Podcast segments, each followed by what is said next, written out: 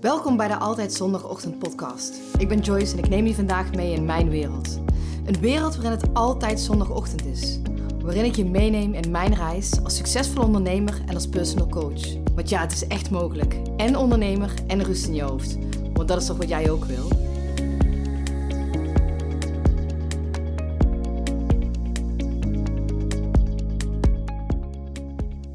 Goedemorgen. Neem deze podcast op vanuit een um, boshotel in Overberg. Dus als je wat uh, vogels op de achtergrond hoort, heerlijk. Ik kijk helemaal uit op een uh, bosrijk gebied. Ik had uh, gisteren een live dag ter ondersteuning van een van mijn klanten. En in de avond had ik een kennismakingsgesprek. En dat doe ik vaak live, omdat ik gewoon tof vind om, om mensen live te ontmoeten. En um, aangezien ik vandaag weer ergens anders in het land moest zijn, um, was het erg omslachtig om, uh, om weer naar huis te rijden. Dus ik dacht, ik boek lekker een hotel. En uh, ik zit hier midden in het bos. Het is echt prachtig. Dus uh, als je de vogels hoort fluiten, dan, dan weet je hoe dat komt. Maar dat is niet waar ik het met je vandaag over wil hebben. De titel van deze podcast luidt: Wist je dat de acht van de tien relaties van succesvolle ondernemers strandt? En misschien triggert deze titel wel iets in je. Misschien staat jouw relatie ook wel onder spanning. En kan het wel honderd redenen hebben waarom het niet zo lekker loopt. Maar vandaag wil ik het met je over hebben, over het gevoel dat je partner niet met je meegroeit. Dat hij of zij zelfs achterblijft. En soms schrik je zelfs van het gevoel dat het je geeft, omdat je eigenlijk helemaal niet wil dat je relatie strandt. Misschien heb je net zoals mij in mijn relatie dat je man af en toe helemaal niks snapt van je werk. En zo had ik ook een, um, uh, een klant van mij die, uh, die, een, die, event aan het organiseren was. En ze zei tijdens het avondeten tegen haar man: Ik heb een aantal mensen uh, gratis uitgenodigd, zodat ik wat meer exposure krijg, zodat ik, wil die mensen graag als klant hebben. En zo was dat zo vertellen. En ze zegt: Ja, maar helaas konden die mensen allemaal niet. En terwijl volgens op haar man zegt tegen haar van... Ja, ze zeggen wel dat ze niet kunnen. En ze werd boos. En ze zegt... Denk je dat ik het nog niet eens gratis vol kan krijgen? En ze was zo getriggerd. Ze werd zo boos. Waardoor hij weer boos werd. En ze zegt, oh, ik, zag, ik zag gewoon zijn gezicht, die ogen rollen. Ik kon hem wel achter behang plakken. En uh, ik stond er nog op en ik zei, ik ben helemaal uit de na te werken voor ons. En jij gelooft nog niet in mij, weet je. Je kan het je wel voorstellen. Een hele verhitte discussie. En ze liep weg. En ze weet wel dat hij niet in haar gelooft. Maar dit soort opmerkingen helpen haar natuurlijk niet. En ze dacht, houd het dan gewoon even voor je. Maar ze was zo boos. En achteraf kwam hij natuurlijk naar wel, ja, wel naar haar toe. Dat hij vooral natuurlijk geen drama wilde maken, dacht, hij, dacht zij. Maar onderbewuste um, zei toch van, ja, je doet het alleen maar om geen gezeik te hebben. En het is toch eigenlijk gewoon wat je bedoelt. En ik weet nog toen ik zelf een, eh, een coach in handen nam. Ik ging naar mijn man uh, thuis en ik zeg, ja, ik heb een... Ik ga met een business coach werken voor 15.000 euro. En hij kijkt me aan en hij zegt, ja, maar die verkopen alleen lucht. Ik kijk hem aan en ik zeg, wat denk je wel dat ik ben? Verkoop ik dan lucht? Nou, ik was, ik geloof me, ik wilde hem slaan. Tenminste, die gedachte had ik. Ik heb het natuurlijk niet gedaan. En zo'n opmerking triggert natuurlijk van alles in ons. Maar het triggert pas iets in ons als het ook daadwerkelijk iets met ons te maken heeft. Er zit dan iets onder. Vaak zelfs ook een kern van waarheid, waardoor je getriggerd wordt. Want het triggert pas iets in je als er herkenning voor jou in zit. Eigenlijk kan nooit iemand iets fout zeggen. Maar omdat jij opmerkt dat je iets erin herkent, vaak is het iets van vroeger, raakt het jou. Raakt het diezelfde pijn weer. Ergens heb je die gedachte al. En hierdoor, door zo'n opmerking, wordt die gedachte alleen maar bevestigd of sterker gemaakt. En zoals ik al zei, voel je dan gewoon diezelfde pijn. Want de gedachte is er al. En wat je dan kan doen is jezelf de vraag stellen: wat maakt het in mij dat ik zo boos word? En eigenlijk heeft hij dan ook eens een beetje gelijk. Je wilt hem niet toegeven. Je wilt hem geen gelijk geven. We worden dan ook vooral boos op hem of op onszelf. Maar het heeft altijd iets te maken met iets in jou. Want stel je voor, hè, iemand, ehm, of je partner zegt tegen jou: Je bent een roze olifant. Geloof je dat dan? Neem je dat in één keer voor waarheid, lief? Of word je dan boos? Of lach je die persoon uit en denk je, wat een onzin. Ik denk dat laatste, want je bent helemaal geen roze olifant. En dat weet je ook. Dat is jouw waarheid. En zo is het eigenlijk met elke opmerking. Het is niet de situatie waar die waarde heeft, maar wij geven waarde aan de situatie. Want ehm, als hij iets zegt dat jou raakt, word je pas boos of verdrietig als het jou een stukje van jouw waarheid raakt. En als het jou niet raakt, word je er ook niet verdrietig of boos van. Raakt het je niet, hoef je er ook niks mee te doen. Doe je er ook niks mee. Zoals die roze olifant. Ja, van onzin, laat hem. En gaat weer door. Weet je, je wil niet dat je partner de hele tijd je triggert. Dat zijn woorden je raken. Maar dat je het kan ombuigen naar liefde voor jezelf, liefde voor hem.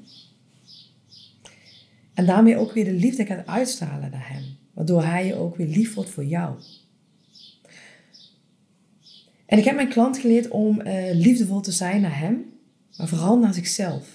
En dat ze haar boosheid uit, aan de kant zet, waardoor ze op een positievere manier op hem kan reageren. Waardoor hij weer op een positievere manier op haar reageert. En dat je het patroon van ruzie maken, van spanning, van elkaar afkatten eigenlijk doorbreekt.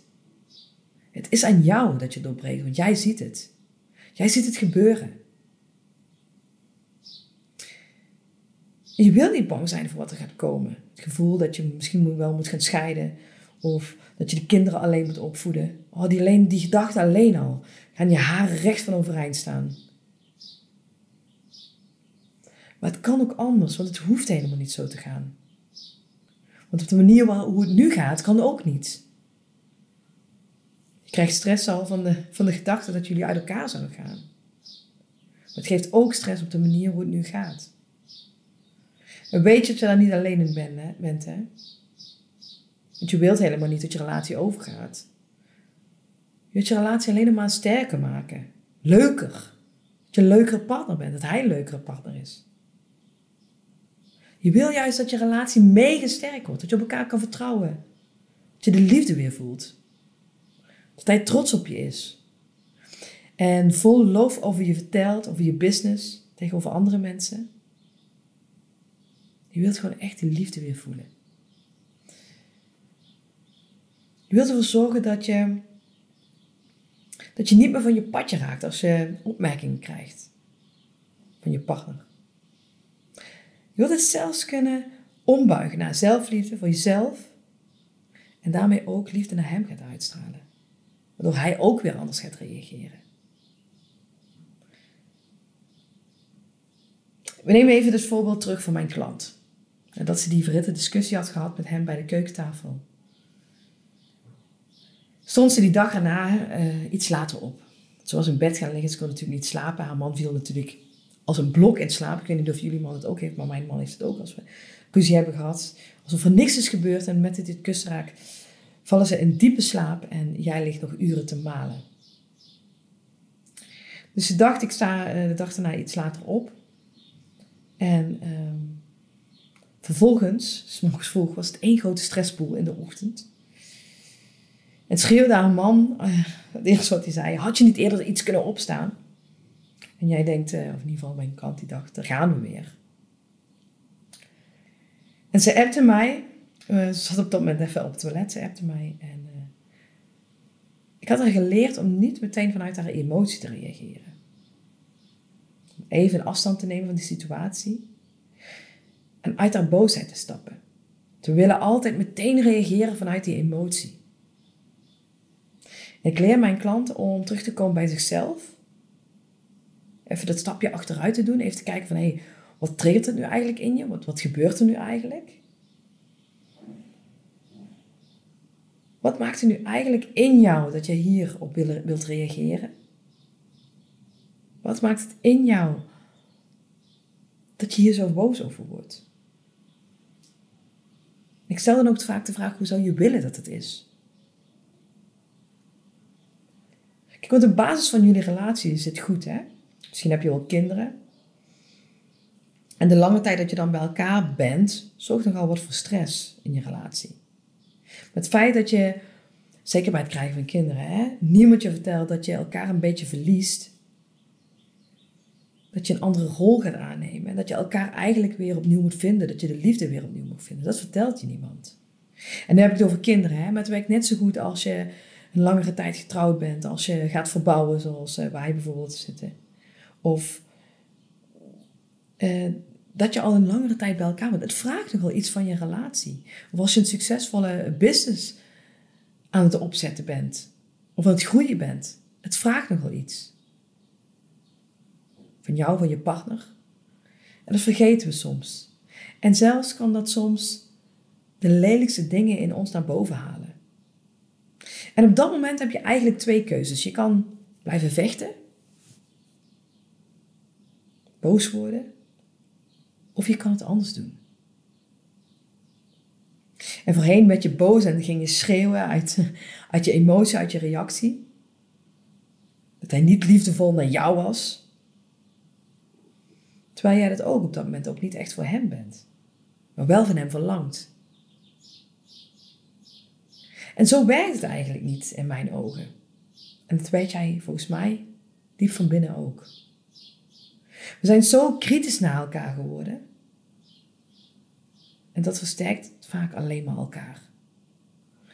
En vaak achteraf denken we dan, had ik het maar anders gereageerd of ik zit weer in mijn maandelijkse prikkelen hoor, oh, dat is me weer gebeurd. En vervolgens worden we boos op onszelf. Ik denk dat ik het hier nog zacht mee uitdruk, maar ik denk dat je er wel iets een, een voorstelling van kan maken. En dit is het laatste wat we willen. Dit is het laatste wat ik wil dat je doet. Niet boos worden op jezelf. Of dat je die ander zo graag wilt veranderen. Ook dat kan niet. Jij zal zelf moeten veranderen. En jij kan er hem in meenemen. Weet dat jij het voorbeeld daarin moet zijn. En dat je partner vanzelf mee verandert. En eigenlijk hoef je daar niks voor te doen, dan alleen maar iets in jou te veranderen.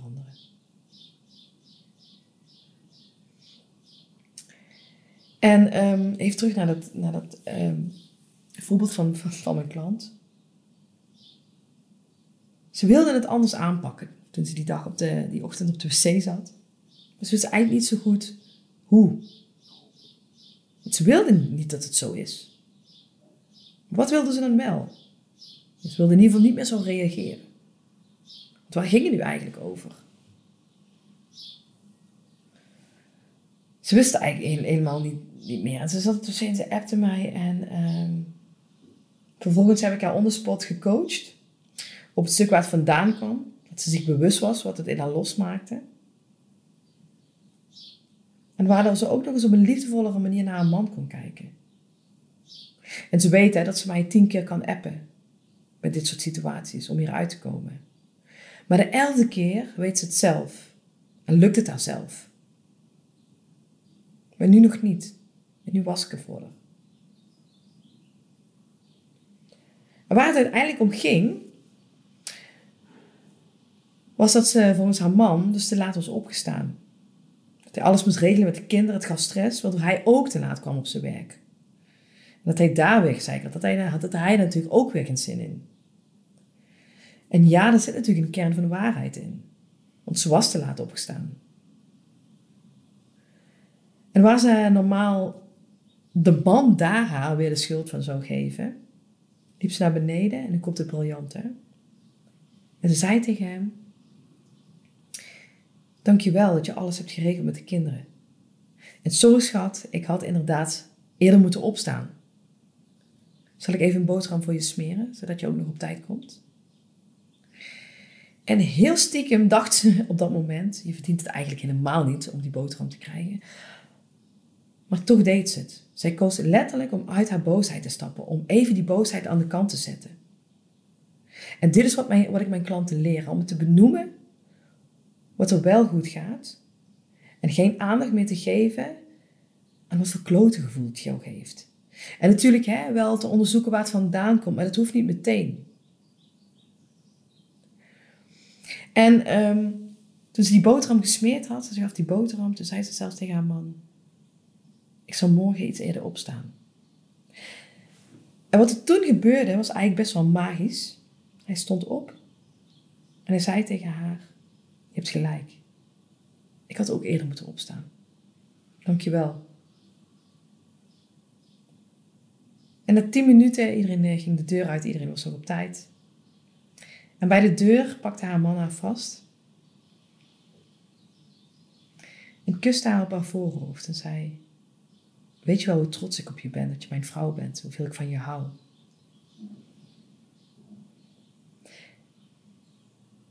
Hij keek haar diep in de ogen aan en kuste haar vol op haar mond. En de kinderen sloegen de handjes voor de ogen. Papa, papa, schei uit. We moeten allebei lachen. Want jullie voelen allebei hetzelfde. Tot vanavond, liefie, zei hij. Dit, dit is waar het om gaat. Ze was hier zo intens dankbaar voor dat ze moest huilen toen de deur dicht sloeg. Want dit was eigenlijk hoe ze altijd wilde reageren. En daarmee zag ze dus in dat zij elke keer kon kiezen om uit die boosheid te stappen. Want wat je geeft, krijg je terug. En die ochtend die appte ze me terug, want ik vraag dan altijd, hoe is het gegaan? Heb je er iets aan gehad? En ze zei Joyce, what just happened? Zo wil ik het altijd. Ik wist helemaal niet wat er gebeurd was. Want als je niet meer zo getriggerd wordt in je privéleven, kan je ook veel gelukkiger zijn. Veel succesvoller in je business. Het geeft je ook zoveel meer energie. Want wat zou er met je gebeuren als ondernemer, als moeder, als partner, als vriendin? Als jij volledig gesteund werd. Door je partner, door de mensen uit je omgeving. Want je wilt juist dat en dat succesvolle bedrijf en die succesvolle relatie. Want je wilt succes op alle vlakken in je leven. Je wilt helemaal niet dat je, dat je relatie strandt. Jij wilt juist bij die twee horen waar de relatie wel van werkt. Ik hoop dat je er iets aan hebt gehad, deze podcast. Ik eh, ga mijn tas inpakken. Als je nog vragen over hebt, heb me dan. Dankjewel voor het luisteren. En, uh, ik wens je een mooie dag. Dankjewel voor het luisteren. Ik spreek je volgende week zondag, want dan is het weer tijd voor een nieuwe podcast. Ik ben benieuwd wat jouw grootste inzicht was van vandaag. Deel het met me via Instagram, tag me of stuur me gewoon een DM. Ik vind het altijd leuk om te weten wie er luistert. En dan ja, vergeet je niet te abonneren, want dan krijg je vanzelf een melding wanneer er weer een nieuwe podcast verschijnt.